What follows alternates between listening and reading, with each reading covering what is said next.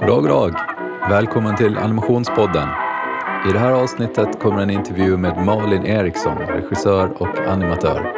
Du kan även se en videoversion om du går in på Youtube, söker efter Animationspodden eller klickar på länken i beskrivningen. Här kommer lite kuriosa. Jag har demonstrerat sandanimation för kungen och Silvia. Wow. Jag vet. Och då sa kungen så här, oj oj, när han kom in i rummet, här får man inte nysa.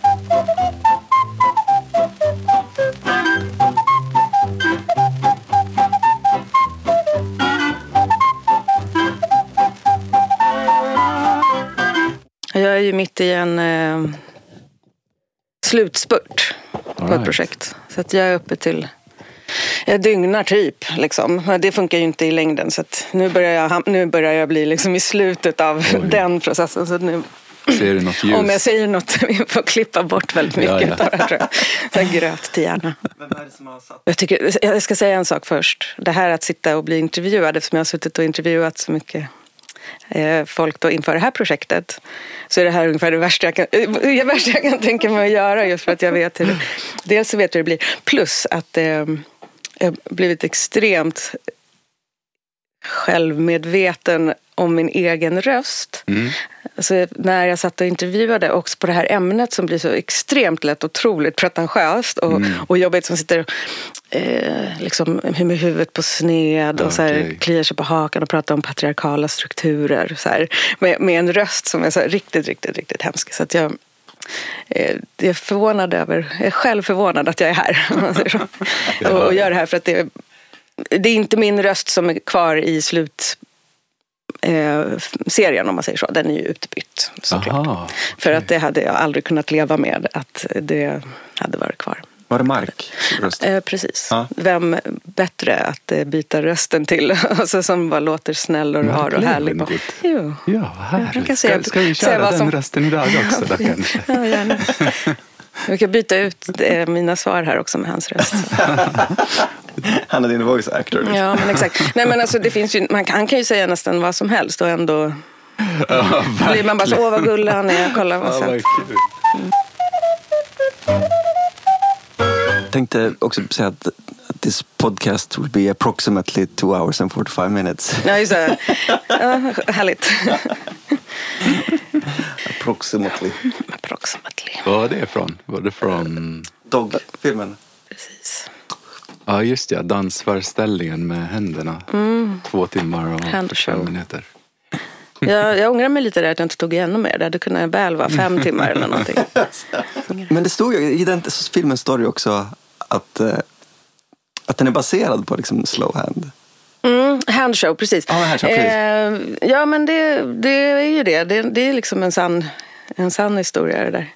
Den eh, kommer från... eh, Jag var på en föreställning som... Nu kommer jag inte ihåg om den hette handshow, men det, den gick ut på precis det där. Fast den inte var fullt så lång. Och det var också ett missförstånd inför det där jag bjuder med en kompis som tror att han ska gå på en dansföreställning. Och så hamnar vi på det där. Som var liksom en mer koreografi, alltså installationskonst på Moderna Dansteatern. Ehm, Kändes det som ni var gisslan där? Nej, men jag kände inte det. Jag såg ju direkt, alltså, eller så att snarare undrar, så, åh, är det okej att jag tycker att det här är väldigt, väldigt roligt? Eller är det inte okej? Så eh, jag började genast tänka på vilka är det mer som sitter här? Är det också, eller är det egentligen eh, mest andra koreografer som ser sånt som jag inte kan se? Eh, men, och, och är det meningen att jag ska tycka att det här är roligt eller är det någonting jag missar? Jag förstår att jag mm, såklart missade väldigt mycket som inte kommer från den världen. Men min kompis som följde med, han somnade. Så det är också som i filmen sen. Eh, och så minns han det som att vi satt på metallrör, typ att det inte ens fanns bänkar. Det var liksom riktigt jobbigt för honom. Plågsamt. Riktigt plågsamt. Men eh, han somnade ändå. Ja, men kände du personen som hade liksom koreograferat? Eh, bekant. Ja, Ja. Så att hon tog det inte som en... Nej, jag frågade Ja, om det precis. var okej. Ja, Ja. precis. Absolut. Hon heter Tove. När gjorde du den filmen? Vi kan ju ta den nu när vi ändå pratar om det. Så kan vi gå tillbaka till tv-serien sen. Ja, okay. Eh, den är från 2014. But you are a dog. Mm. Och det är olika figurer som går och ser en eh, dansföreställning. Och det de får se är liksom två gubbar med bröst och mustasch som vänder sina händer fram och tillbaks i två timmar och 45 minuter.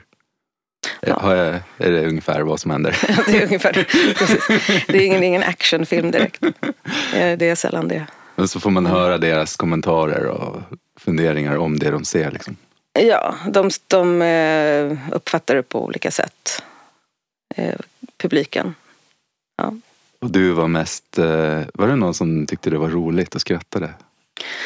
Det finns ju en som gör det. Ja. Som bara är jättepeppad och när showen är slut reser sig upp och klappar händerna. Alltså det är det bästa han har sett. Så här. Det är du. Eller hon. Ja, det var jag. eh, ja, sen är det en som bara tänker på kaffe. Alltså det är väl ungefär det jag föreställde mig att de som satt där, ja. alltså i brist på bättre vetskap och kunskap mm. om det här ämnet. Antagligen var det ju många koreografer som förstod mycket mer som jag sa mm. i den riktiga publiken. Men här, här blev det ju liksom, ja, det är en som är som kan allt och sitter och gärna berättar det för sin vän som inte förstår någonting. Mm. Men det är intressant det där med animation, att det tar ju så sjukt lång tid att jobba med det. Mm. Mm. Men det var liksom en kväll typ som du fick känslan att den här vill jag göra någonting av. Sen så hur många månader blir det liksom som du får sitta och jobba med det sen då? För att det ska bli en färdig film? Ja, alltså nu efter att jag har jobbat med den här tv-serien som har varit så lång så har jag ändrat det svaret lite grann tror jag. För att det har gått... Dels har det förstås tagit mycket längre tid eftersom det är mycket längre projekt. Men per minut så har det gått mycket snabbare. Jag har jobbat på ett lite annat sätt och sådär. Eh, men annars brukar jag bara så kort eh, sammanfatta att en kortfilm för mig tar ett år att göra. Alltså från från det att jag kanske får en peng till att det är färdigt. Ungefär. Och då brukar de vara runt 10 minuter, 12 minuter långa. Mm. Vad är det för teknik som du har gjort den i då? Pratar vi om doggen? Mm. Eh, 2D, tecknat på frame by frame på Wacom. Eh, digitalt tecknad, mm. kan man säga så. Mm. mm. I vilket program? Eh, Toonboom. Ja. Då hette den väl någonting annat. Nu jobbar jag i Harmony. Mm. Så hela är 2D-tecknat bara? Mm. Hur, um, från att du hade idén att du ville göra en film om den här kvällen. Vad var nästa steg? Skriver du manus eller börjar du teckna direkt? Eller? Nej, jag skrev nog ett manus eh, direkt efter det. Eller först träffade jag koreografen och hade ett litet möte med henne. Och hon verkade pepp. Jag tror att hon nog trodde att det skulle bli mer av en... Jag minns att vi hade någon sorts pratar om att ta det ytterligare ett varv. Så att, hon skulle, att det här skulle bli någon dansfilm som också sen hon skulle kunna använda i... Mm. Men eh, ja, då skrev jag väl ett manus och sen skicka in, inga skisser tror jag förrän jag skickade in eh, till finansiärer, Filminstitutet. Mm. Ja. Men då hade du redan gjort så mycket innan som du kunde använda som arbetsprov antar jag? Eh, ja, någonting hade jag säkert att visa innan ja. Mm. Som, eh... Vi kanske ska backa bandet och prata lite om hur det kom sig att du började med animation överhuvudtaget. Kommer du ihåg eh, Eh, Eh, ja, vad tror du? så den där dagen jag kom på. Eh, nej men alltså jag började ju som formgivare eller om man skulle backa bandet ännu längre så är det ju det där, åh jag har alltid tecknat och ja. sådär. Och det, har, det stämmer ju för mig också. Eh, och, men när jag växte upp så var, jag kommer inte från någon kulturfamilj eller mm. eh, mina föräldrar jobbar med helt andra saker. Det fanns liksom inte som något, någon naturlig ingång att det är självklart att man kan eh, arbeta med den här sortens grejer. Liksom, ha det som jobb faktiskt. Det är ju ganska lyxigt. Mm. Och jag, det, det var ingenting som som kom naturligt utan i sånt fall skulle man väl styra in det till någonting, alltså ett riktigt jobb om ni förstår. Mm. Och eh, då hamnade jag först på Bergs, läste någon sån här grundkurs i kommunikation och sen vidare till formgivning på Forsbergs. Och där någonstans började jag känna att det var inte alls rätt plats för mig. Även om jag tyckte att det var ganska kul också. Det är bra att ha med sig nu faktiskt. Mm. Ehm, ja, sen till sist då började jag på Eksjö eh, konstfacks eh, animationsutbildning som fanns där förut. Aha. Hur kom det sig att du sökte dit då? Det kan inte jag komma ihåg. Alltså, jag kommer inte ihåg vem som, var jag fick den informationen ens ifrån. Vart jag, Mm. hur visste jag att den fanns? Det vet inte jag. Jag Ja. kommer inte ihåg det. Var det första gången du animerade då? Nej, alltså jag hade jobbat på en reklambyrå och gjort så animerade julkort eller någon animerad någon GIF. Liksom, som, alltså, I stort sett så hade jag aldrig animerat. Jag hade aldrig, aldrig, aldrig, aldrig sökt om jag visste vad det innebar och vilket tålamod jag skulle eh, krävas av mig. Och, eh, nej, det hade jag inte förstått. Och jag är jätteglad att jag inte visste det för då hade jag ju som Mm. sagt inte, inte gjort det. Hade det tålamodet, det visste jag inte. Mm. Ehm, ja, men så sökte jag dit och det var ju en helt annan grupp än vad de här på reklam och designskolorna. Nästan alla tror jag från den klassen jag började i i Eksjö kom från konsthållet istället. Vilket var väldigt roligt tycker jag. Hur länge gick du där då? Eh, Den, eh, två år var den. Mm. Och sen efter skolan, vad hände då? Hade du, då kanske du hade någon studentfilm? Ja, det hade jag. Jag hade två faktiskt. Eh, En som eh, heter Death by Heart som är mer i, i, åt det hållet som jag sen fortsatte att jobba. Men sen gjorde jag också ett experiment i eh, en skrapteknik. Så inspirerad av en eh, lärare vi hade som Mhm. hette Piotr.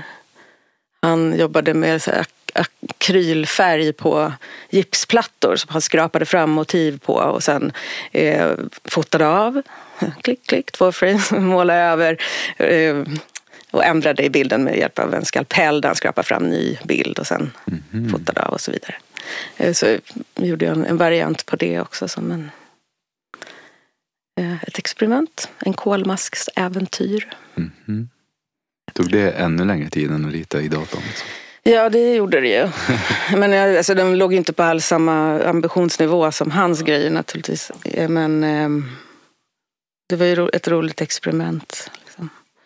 Ehm, Och sen eh, blev du tvungen att gå tillbaks till reklamjobb efter det eller efter Eksjö animation? precis, det var ju några år där innan nästa film. Så då jobbade jag nog med illustration. Jag, har gjort, jag jobbar ju som illustratör också. Även fast jag inte gör det så mycket längre. Men jag gjorde ganska mycket illustrationsuppdrag däremellan. Mm. Um, ja, nu, nu märks det att min hjärna är gröt. Vi fixar det i Tur det inte live. Ja. Mark Levengood kommer in och... Han står ju här utanför nu. Det är så skönt att ha honom på det sättet. Vem, vem ska ersätta dig då Henrik? Om du Jag får välja. inte. Om jag får välja? Men ni är ju vana vid era egna röster. Ni kan ju Marika leva med det. Lagercrantz. eh, ja, fast det är väl lite svårt. Alltså man har alltid svårt för sin röst, tänker jag. Inte jag, jag älskar min röst. Du är från Om jag Åland. hade sån där röst skulle jag också göra. Ja. Nej men, eh, ja vem skulle du? Ja, Marika Lagercrantz. Mm. Jag skulle spela in mig själv en gång till. Men jag tror jag skulle vilja ha en annan dialekt än vad jag har. Kan du Eh, inte köra lite för- Texas? Ja, Du berättade innan att du Okej. var mycket i Texas i din barndom. Ja, men precis. Jag är uppvuxen där. Howdy, Det har inte präglat mig. eh, howdy. Nej, men jag har jobbat bort den dialekten tror jag. Jaha, men du hade riktigt så här amerikansk Ja, men alltså jag var ju nio år när jag flyttade dit. Och sen har jag ju gått i Ah. skola där hela min, hela min skoltid i stort sett. Okej. Men har du jobbat bort den så att du har svensk amerikansk dialekt? Nej, men alltså, jag kommer ihåg att jag, när jag har varit där och hälsat på efter, när det hade gått många, många år och jag var där och hälsade på, så kommer jag ihåg att jag la mig till med en svengelsk dialekt för att i förtid avslöja att jag inte visste hur saker, saker och ting gick till. Typ gå och handla. Jag har aldrig gjort det där som vuxen kanske. Eller jag har inte, det var tio år sedan jag var där och, och gjorde det, säger vi. Och då tyckte jag att det var så pinsamt att jag inte visste hur man skulle göra med den här självskanningen eller vad det nu kunde vara. Och istället för att här, gå med en perfekt Texas-dialekt och fråga så här, ursäkta hur gör jag när jag handlar? Så eh, la jag mig till med det där eh, så att det ska vara uppenbart att ni har med en idiot att göra. Vad sa du? Politikersvenska. Ja, ja, precis.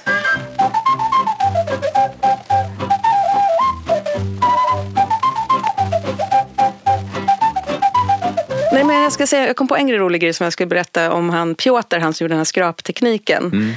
Eh, som jag känner att jag kan lite identifiera mig med just nu. Han berättade en gång, kommer jag ihåg när, vi, när jag pluggade, att han hade eh, jobbat så snabbt på sitt projekt att han hade brutit eh, benet. Och det hade att göra med att han hade försökt han hade fått tillgång till en studio eller hur det var, i, i elva dagar eller någonting sånt där. Så han hade elva dagar på sig att genomföra sitt jättekomplicerade projekt. Vilket gjorde att han på alla möjliga sätt försökte spara in på tid genom att så här, springa vart han än och så här, sprang ner för trappen och, och där någonstans ramlar han och bryter benet. Och jag känner att jag är där ungefär fast jag är mer så här, ja. Måste hinna till men- men- Göteborgs filmfestival. Ja, precis. Ja, men exakt. Men det måste, jag vill ju gärna att det ska vara färdigt Ja. då, såklart. Eh, Och, ja, och eh, det- ja, men, jag har inte eh, brutit ja, något ben, men Ja, Okej, det har varit nära. nej. En vagel i ögat, typ. Sömnbrist. Den mentala hälsan, ni Ja, vet. shit. Det var en viktig del av utbildningen. Det var det. Det, var en, det är det jag tar med mig därifrån. Jobba fort. Ja, var var vi? Vi var efter Eksjö och du försörjde dig mest som illustratör då. Mm. Och eh, tog du ett, något initiativ där till att göra en egen kortfilm helt plötsligt? Ja, så var det. Mm. Vilken var det då? Eh, Benjamins Flowers. Mm. Den såg jag igår. Mm. Det jag tänkte på var, jag såg den faktiskt utan ljud för utan nattade barn. Den är ganska dialogbaserad. Så det, eller den. monolog. jag såg den för något år sedan och det var ju text också, Ja, det var det. Okej. tror jag. Berätta för mig, vad tyckte du om den? Vad, vad, vad, fick du med? Nej, jag. Eh, Jag kände så här, eh, jag undrade, kan du vara inspirerad av Salad Fingers? Känner du till den? ja, vänta. Jag, jag tror att jag känner igen det. För att jag hör, men nej, jag måste ju säga nej eftersom jag knappt vet vad det är. Mm. Eh, Men någon annan har också sagt det. Ja, nu kom jag på vem det var. Han som somnade på... hans pojkvän var det som såg den och, sa, men, och tyckte också det. Jag tror att det var så. För Salad Fingers är också typ så här någon isolerad figur som Mm. går runt och känner på saker lustfyllt.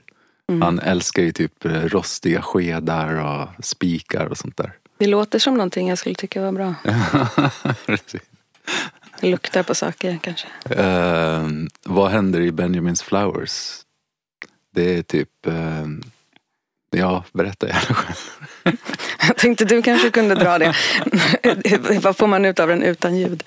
Ehm, Ja men mina intryck var att eh, han var instängd, han gick och viftade med någon slags blomma hela tiden. Och så pratade han med sin hund.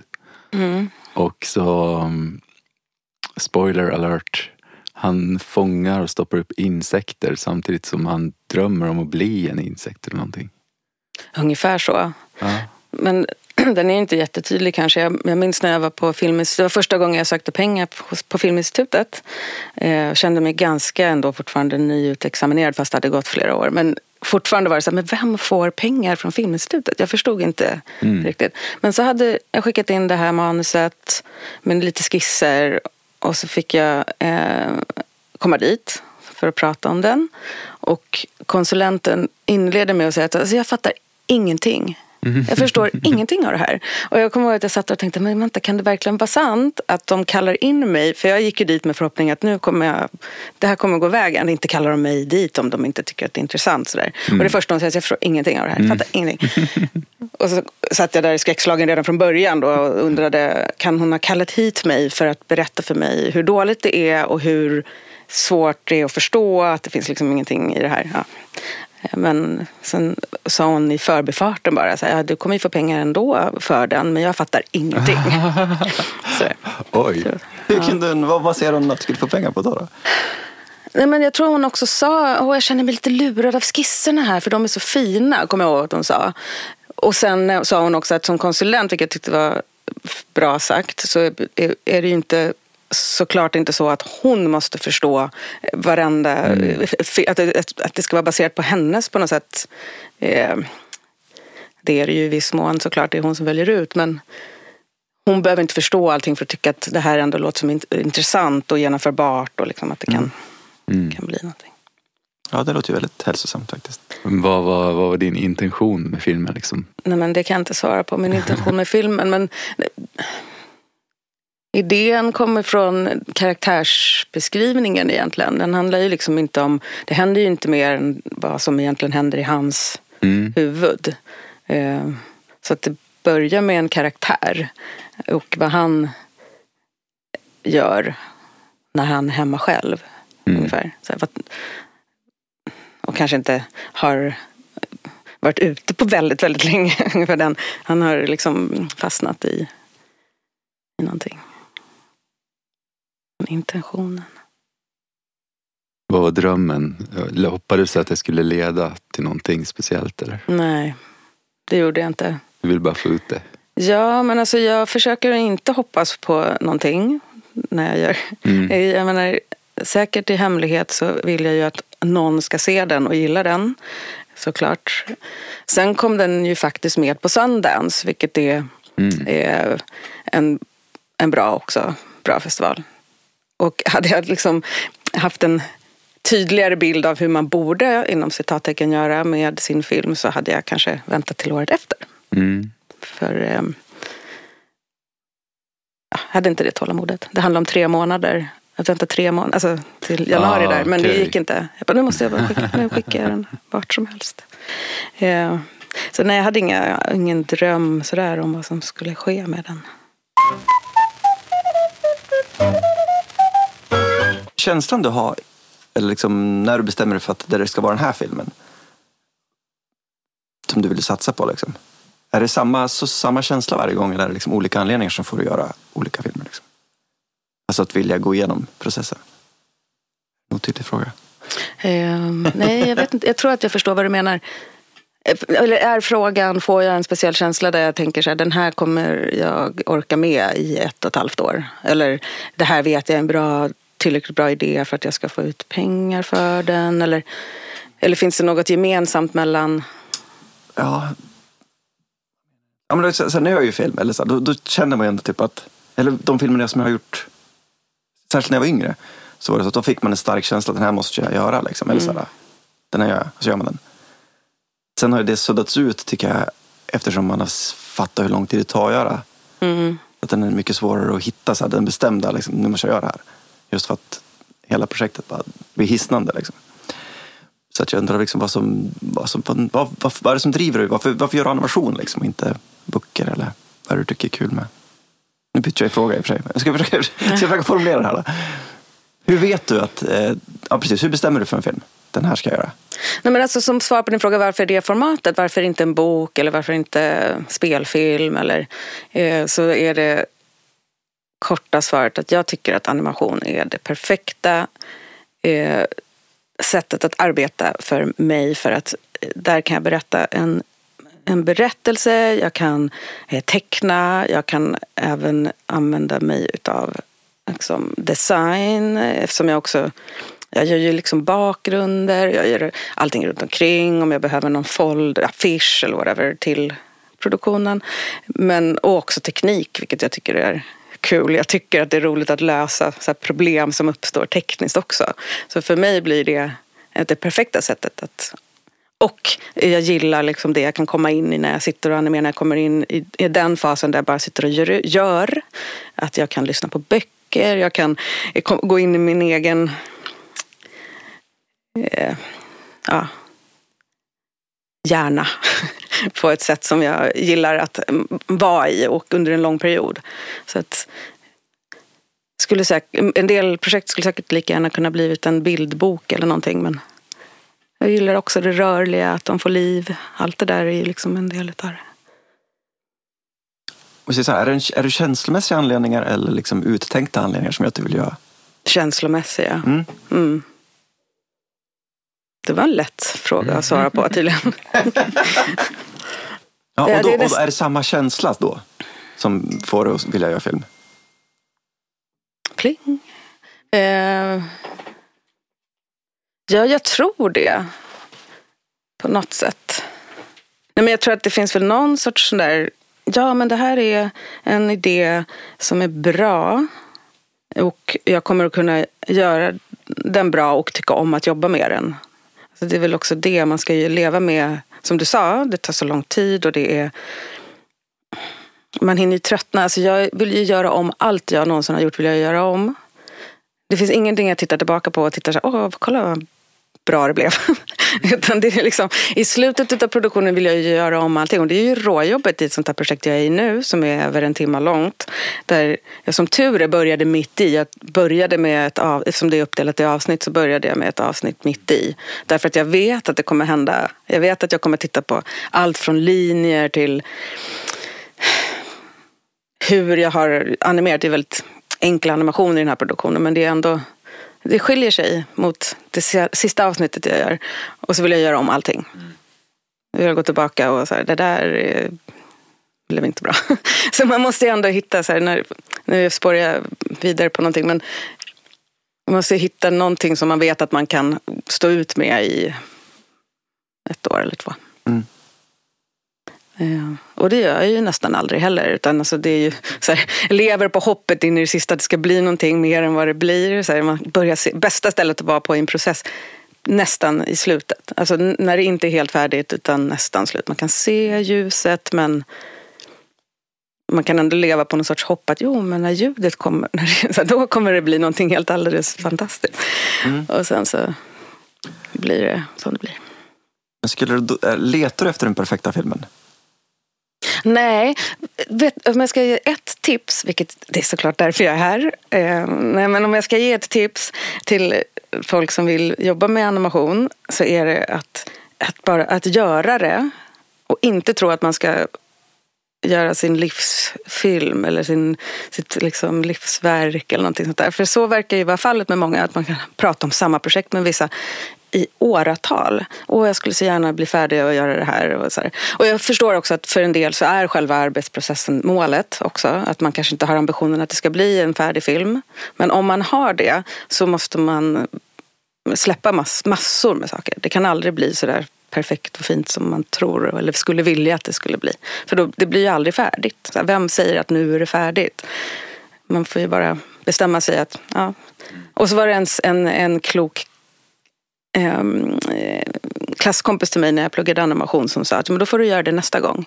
När jag satt och sa att men jag vill nog göra om det här. Jag måste nog göra om allt, hela filmen då säkert. Så Och då sa hon att nej men eh, det får du ju ta med dig till nästa gång. Så tänker du på det nästa gång. Okej, okay. det tänker jag faktiskt på. Bra Ja, det är det. Tips. Därför att man eh, tror ju att det här är inte bra nog. Kanske. Eller det här borde jag gjort annorlunda. Ja, men gör det nästa gång då. Och sen så är du färdig med den här. Men med det sagt. Eh, jag vill inte att det ska kännas slarvigt att man liksom släpper saker för den skull. Men, men, men är det, ifall det är en ständigt föränderlig process. Mm. Är det det som också gör att det är fortfarande är intressant för dig? Att, det, liksom, att du upptäcker historien liksom på... Ja, det är nog så lite grann. Alltså det skulle vara svårt tror jag att redan veta slutet. Alltså jag kan ibland, fast det är också otroligt frustrerande. Jag kan ju närma mig slutet av en produktion och egentligen inte veta så här, hur, ska jag, hur ska den sluta. Så jag vet inte hur jag ska få ihop det på slutet eller alls egentligen. Mm. Och det är ju också jobbigt förstås. Att inte veta om det kommer funka. Sen vet jag inte om det gör det till sist heller. Så som jag sa så ser jag ju alltid tillbaka på det sen och önskar att jag hade tänkt helt annorlunda och gjort, gjort helt annorlunda. Mm. Och vill göra om. Men... Tycker det är en jättespännande kombination utav ett fritt sinne som ständigt rör sig och att du har valt animation. Liksom. Ja men det borde inte funka. När man lyssnar på andra säger men det är jätteviktigt att man håller sig till storyboardet. Det är viktigt att man har allting utplanerat och så. Men det tror jag är just om man ska involvera andra. Därför att mm det är klart att de måste veta hur, vad de ska göra. Det kostar ju så mycket pengar, tänker jag. Om man skulle försöka alltså på något annat, att hålla det öppet med det. Precis, för det, för det jag känner är att just när man har uttänkt en films storyboard och manus och allting, man vet liksom allt. Då har man också döda själva intresset av att göra den. Att just att då blir själva storyboarden och manuset, de har gjort filmen. Liksom. Jag, jag försöker hitta någon slags process. Och då sitter man bara och gör ut det sen, ja precis. Ja, då, då liksom... Ja. Det är som att fylla i liksom ren skrift. Det var mm. på lågstadiet. Man fyller i det man skriver. Men det finns ju någonting väldigt tillfredsställande i det också i och för sig. Det, det projektet som jag är i nu, då, det här som är eh, längre än, van, än vad jag är van vid, där det är sju avsnitt. Där har jag behövt jobba lite grann med som animatics för att få, eh, inte något storyboard men animatics faktiskt. Med, eh, för att lägga ut ljudet egentligen. Jag behövde hitta någon sorts liksom, struktur i intervjuljudet. Alltså, temamässigt eller eh, det här projektet är också uppbyggt på det viset att varje intervjumedverkande är intervjuad separat men att jag sen har satt dem i serien i grupp. Där de liksom ska reagera på varann och de ska... Eh, det har ju varit ett, ett stort jobb att få till. Och då har jag ju känt att för att jag kan inte börja på frame ett och bara jobba mig framåt för att se ifall det blir bra efter en timme. Utan där har jag ju behövt dela upp det och verkligen jobbat med skisser och och så. Men då har det ju varit långa perioder som har känts som att sitta och göra ut. Jag vill aldrig, aldrig, aldrig mer jobba med läppsynk kan jag säga. Det är så mycket eh, av det. Ja. Mm. Jag är bra på det nu. Ja. Varför valde du, du läppsynk då i början? Liksom? Jag tänker att det, det, det är inte bara ett sånt läppsynk utan det är liksom verkligen Säger de F så är det en F. Ja, ja, precis. Men det är klart, det är, det är eh, väldigt enkel animation hela den här mm. produktionen. Mm. För att det ska funka i tid och så. Eh, och så även läppsynken. Men det är, det är absolut att jag, alltså jag sitter ju med varenda bokstav, absolut. Mm. Sen är det ju, jag har inte, jag tecknar inte dem fritt. Jag har ju liksom en portfölj med tio munnar eller något. Mm. Fast de är olika på varje karaktär såklart. Mm. Sällskapet, intervjuer ifrån Alltings mittpunkt. Mm. Heter den. Hur började allt? Eh, du menar... Universum. Nej men exakt, allting. Året var... Eh, nej men, alltså på, som idé menar du? Ja. Eh, jag vet inte, men jag tror att första idén till den kom någon gång för jättelänge sedan när jag satt och pratade med två personer som där frågan ställdes, hur har det påverkat dig negativt om, om någonsin att du blev född till vit man? Mm. Och den frågan tyckte de de började liksom fnissa så här. Vadå negativt? De förstod inte frågan riktigt hur det skulle eh, kunna ha varit det. Aha, Eller vilka? frågan var ja, de här två vita männen som jag pratade med. Eh, medan när jag har ställt liknande fråga till eh, folk som inte är vita män så har de ganska snabbt kommit på en lång lista på grejer som kanske skulle kunna ses som mm. Nackdel. Det tror jag var så första kornet till idé. För det är det den går ut på då, den här serien. Kan, mm. kan jag nämna. Det är en det är av frågorna du ställer? Eh, ja, jag tror att jag ställer den frågan men jag vet inte om det har kommit med ah, i, okay. i serien. Men intervjuerna genomfördes i en liknande situation som det här. Det var liksom ganska familjär stämning. Det är ljud, en vid ljud och sen så var det bara jag och en till. Mm. Så jag tror att det bidrog till att vi kom ganska nära ganska fina svar. Man mm. vågade, det var liksom ingen, det var inte ett jobbigt sammanhang där eh, det satt någon påstridig intervjuare och försökte, nu påstår jag att jag inte var påstridig men jag försökte väl liksom att det skulle bli mer ett samtal än en liksom utfrågning om mm. saker och ting. Och på det viset så tyckte jag att jag fick väldigt mycket ärliga och fina svar. Mm. Och svårt att få ihop då 25 timmars material till 12 minuter eller något. Så att, eh... 25 timmar. Hur många personer och hur länge med varje? Liksom? Eh, åtta personer. Mm. Det blir 16 med två, nästan tre timmar med varje. Mm. Och eh, hur har ni delat upp avsnitten? Är det en per person eller? Nej, det är uppdelat i teman. Eh, men ja, det är sju avsnitt. Eh, de, eh, gruppen träffas då, vilket de aldrig gör i verkligheten. Så träffas de och så är det då en intervjuare som aldrig är med i bild som ställer frågor och så, så gör de här männen saker tillsammans. De går på yoga, de går till badhuset, de är ute och mhm. campar och sådär. Och så, så under tiden svarar de på, på frågor utifrån de här teman då som det är uppdelat i. Ja, vad är det för frågor? Ja, allt från konkreta frågor som vad har ni för manliga förebilder följt av vad har ni för kvinnliga förebilder? Och där har jag försökt se, finns det något mönster i svaren där? Och det är en av de frågorna där det är som allra tydligast. Kan man säga. Det är jättelätt att nämna manliga förebilder vid efter prestation, män som har utfört saker, gjort saker. Man kan hitta namn på dem till och med medan kvinnliga förebilder ganska snabbt blir mamma, mormor, syster, mm. fru för att de är så bra på att ta hand om barnen. Nu, nu, liksom, nu överdriver jag lite grann, så, mm. men det, det var ju lätt mönstret. Sen är det ju mer kanske komplicerade frågor. Nu börjar jag låta som den där personen som gjorde intervjuerna. Väldigt komplicerat det här med strukturer och normer. Eh, men men det är ju det. Ja, det, ja, men det är ju det. Och därför så eh, kan jag säga att också att jag tycker att man har tyckt om de här männen som har svarat på frågorna. Det tycker jag känns viktigt också. Att det inte är så att jag vill dra ner byxorna på någon eller mm. eh, sätta dem i en position som blir jobbig. Liksom, att man, det är inte lätt att sitta med en mick i ansiktet och få frågor om strukturer i samhället. Så här, och säg något snabbt, säg något smart. Eh, jag tycker de svarar ungefär som de flesta skulle kanske ha gjort. Eh, som jag själv kanske hade gjort, jag vet inte. Eh, men det är lätt att sen efteråt se mönstren och det är också min ambition. Därför är alla anonyma, det är inte liksom Kalles berättelse eller Pelles berättelse utan gruppen. Så att om det är någon som har ett jättefint svar på vad har det för kvinnliga förebilder, vilket också var eh, någon som kunde faktiskt nämna namn och så, mm. så är det inte med. Utan jag har hittat liksom gruppens svar. Mm. Förstår ni? Mm.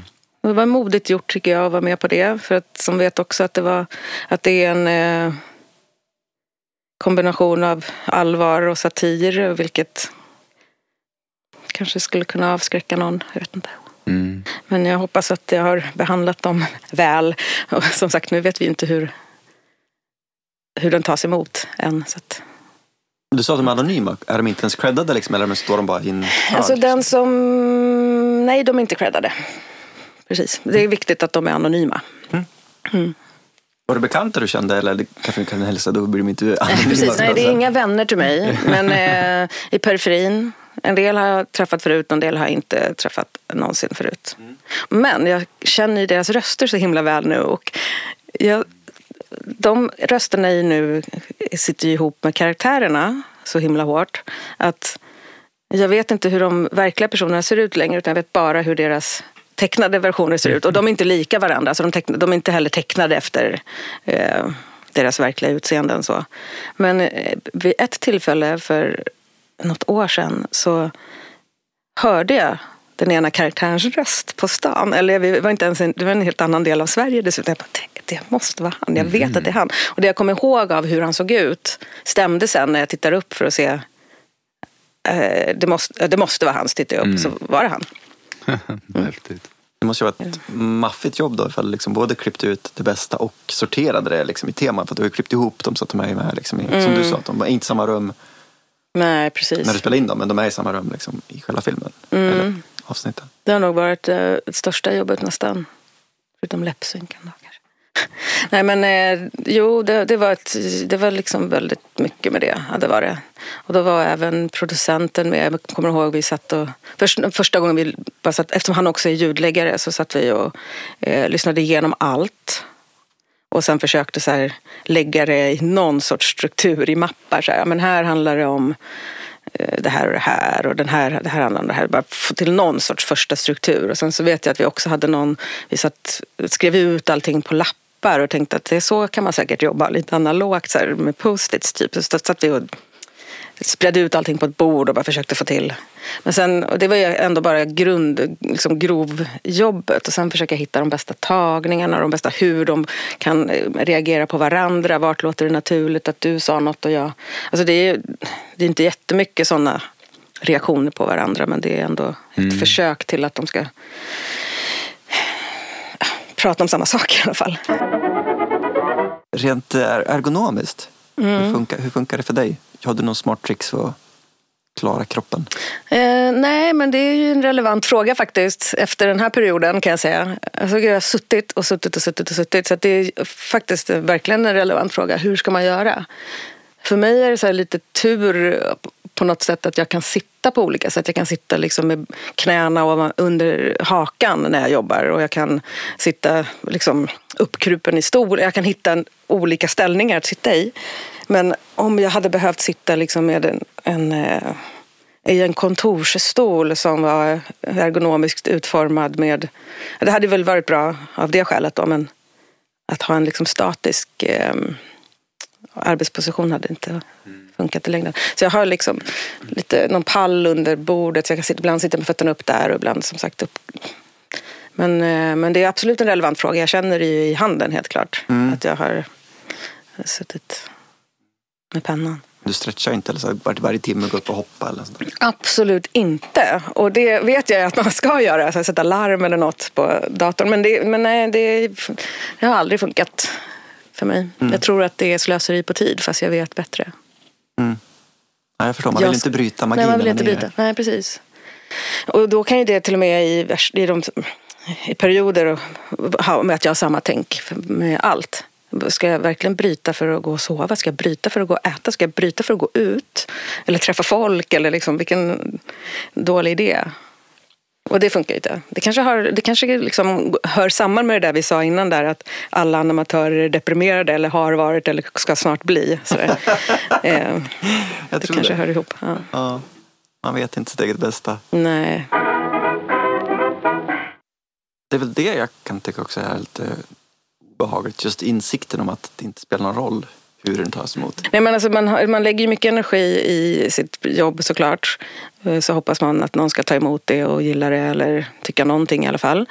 Eh, men egentligen så är det inte så himla viktigt för någon annan. Det är ingen som bryr sig faktiskt. Mm. Krasst. Det är någon enstaka animatör som tycker att åh, ett nytt projekt var spännande. Eller någon som känner något kanske eller, eller verkligen ogillar någonting. Men sen är det glömt för fem, alltså fem minuter senare, tänker jag. Så, så, så, så tråkigt. Så trist nu. Nej, jag vet inte. Man behöver inte vara så orolig. Det är väl det jag menar. Kanske. Men om vi går tillbaks till eh, när du hade sorterat alla intervjuer och så. Började du tänka på bilder då och hur du skulle liksom ta dig an det här rent bildmässigt? Och hur karaktärerna skulle se ut, vad de skulle göra? Uh, nej, men jag tror att redan vid, eller jag vet att vid intervjutillfällena så fanns karaktärerna redan. Så det fanns en bild på gruppen. Och det ville jag gärna så att de som skulle intervjuas också skulle se. För bilderna är väl ganska avslöjande också att det hu finns humor i det här. Så att de inte skulle känna sig lurade in i någonting. Så att karaktärerna fanns, mer eller mindre. Och eh, idén om hur jag skulle lägga upp det med eh, de olika avsnitten. fanns ju inte då eftersom vi inte visste att det skulle bli avsnitt. Men jag visste att de skulle göra grejer, att de skulle befinna sig i grupp. Mm. Från början så var det nog mer mm, tänkt att, jag sa förut att tanken aldrig var att dra ner byxorna på någon. Men jag hade nog tänkt mig från början i ärlighetens namn att det skulle bli mer liksom eh, haha, där ser ni vad jag menar. Eh, men sen insåg jag ju att eh, så kan man inte behandla folk och heller inte... Inte ens vit och medelålders Nej, men och det, det, där satt ju de här trevliga personerna och var ärliga och svarade på frågor på samma sätt som jag själv hade gjort säkert. Och, eh, Eh, det är inte heller min, var, det var aldrig min ambition att jag skulle eh, förlöjliga eller eh, men det blev, ännu, det blev ännu viktigare när jag väl hade genomfört intervjuerna att det här, man, ingen är intresserad av att man ska se på någonting och sen gå därifrån med liksom dålig smak i munnen och tycka att men, det där kändes inte bra på något sätt. Så det hoppas jag verkligen att ingen gör.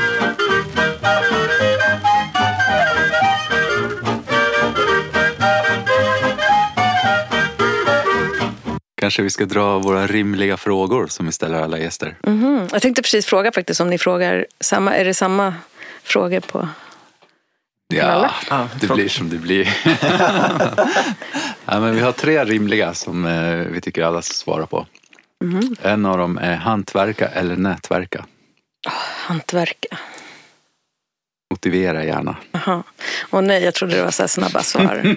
eh, nej men nätverka, jag tror att jag är jättedålig på det. Alltså, och tycker att det är råjobbigt. Så får jag, så här, jag laddar i tre dagar för att jag ska gå iväg på någonting en kväll. Och sen så har jag huvudvärk i tre dagar när jag kommer därifrån. Men under tiden så har det nog sett ut som att jag är ganska bra på, Mm. på det. Så att det är ingen som tror på mig att jag säger att okay, det där är så jobbig situation för mig.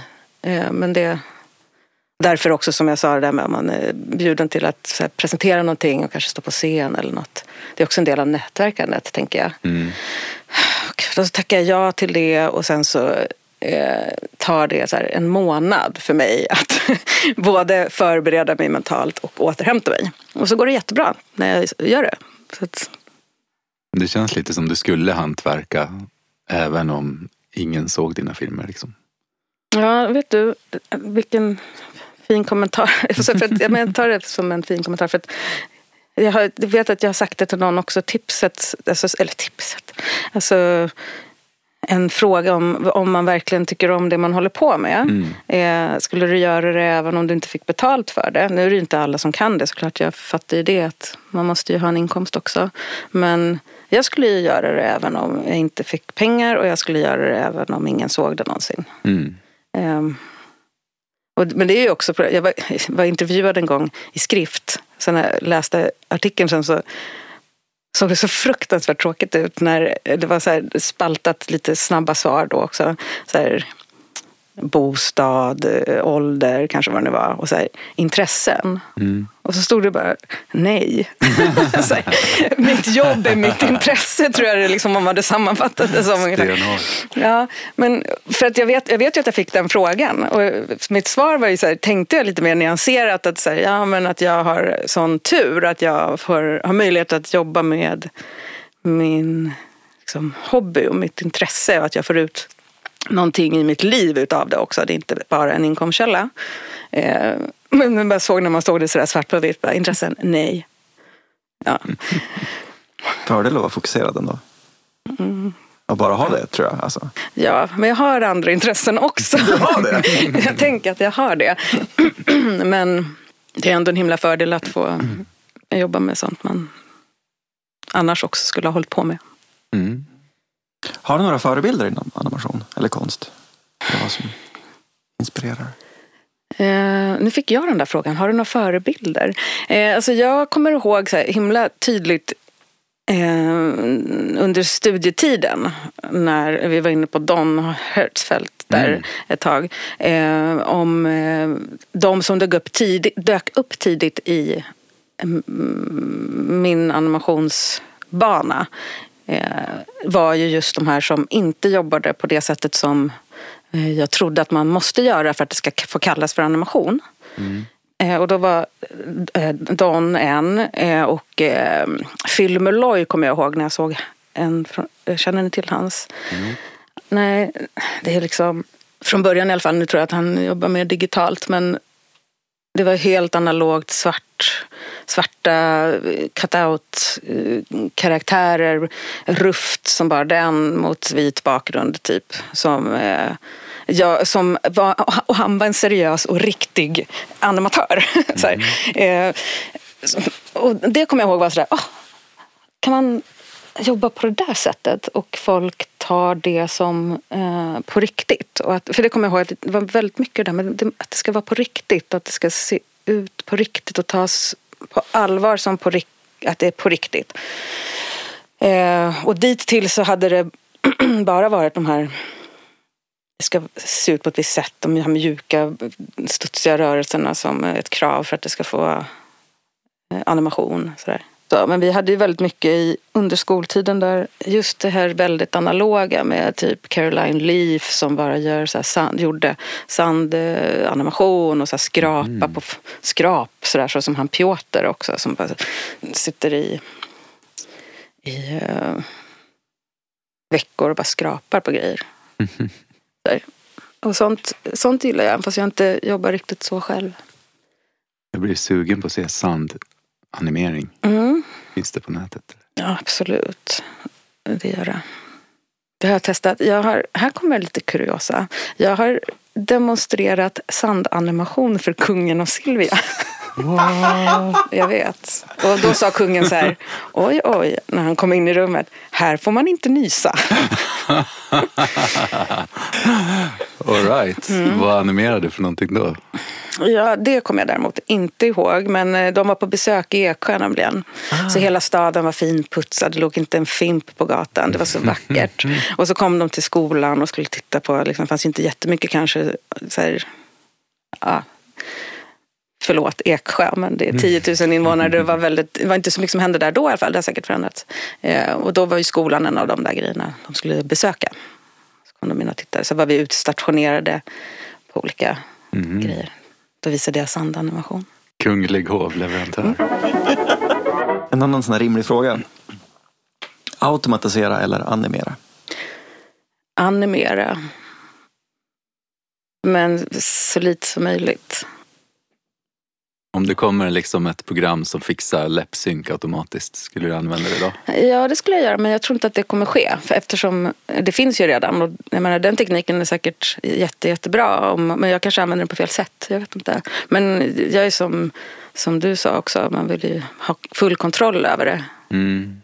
Sen blir det inte perfekt ändå. Men, och ingen, säkert är det en sån sak som ingen skulle bry sig ifall det var gjort. Ingen mm. skulle se skillnad säkert. Men, eh, men alltså, i den mån det går så är det fint om man kan automatisera också. Inte. Är, det någon, är det någon process särskilt du skulle vilja automatisera? Och renderingstiden tar ju liksom för lång tid. Det hade man ju velat så här. Mm. Så färdigt. Alltså det är ju säkert hälften av min tid går ju åt till att sitta och vänta på att det ska rendera ut. Mm. Det skulle man kunna automatisera på ett annat sätt. Mm. Men det, är ju, det sker ju automatiskt. Det är bara det att datorn är för trög. Vad gör du under de pauserna då? Eh, ja, alltså jag tittar på serier. Ja. ja, jag har det parallellt sådär. Och det låter ju inte alls tidseffektivt. Men det är det faktiskt. För att det är så, ändå, även fast jag säger att det tar lång tid att då menar jag när jag, när jag eh, eh, renderar ut de här som tar en minut eller en och en halv minut. Det är alldeles för kort tid för att resa sig upp mm. och gå och göra någonting. Men det är alldeles för långt för att bara sitta och stirra på skärmen och titta på en och en halv minut. Sån här. Ja.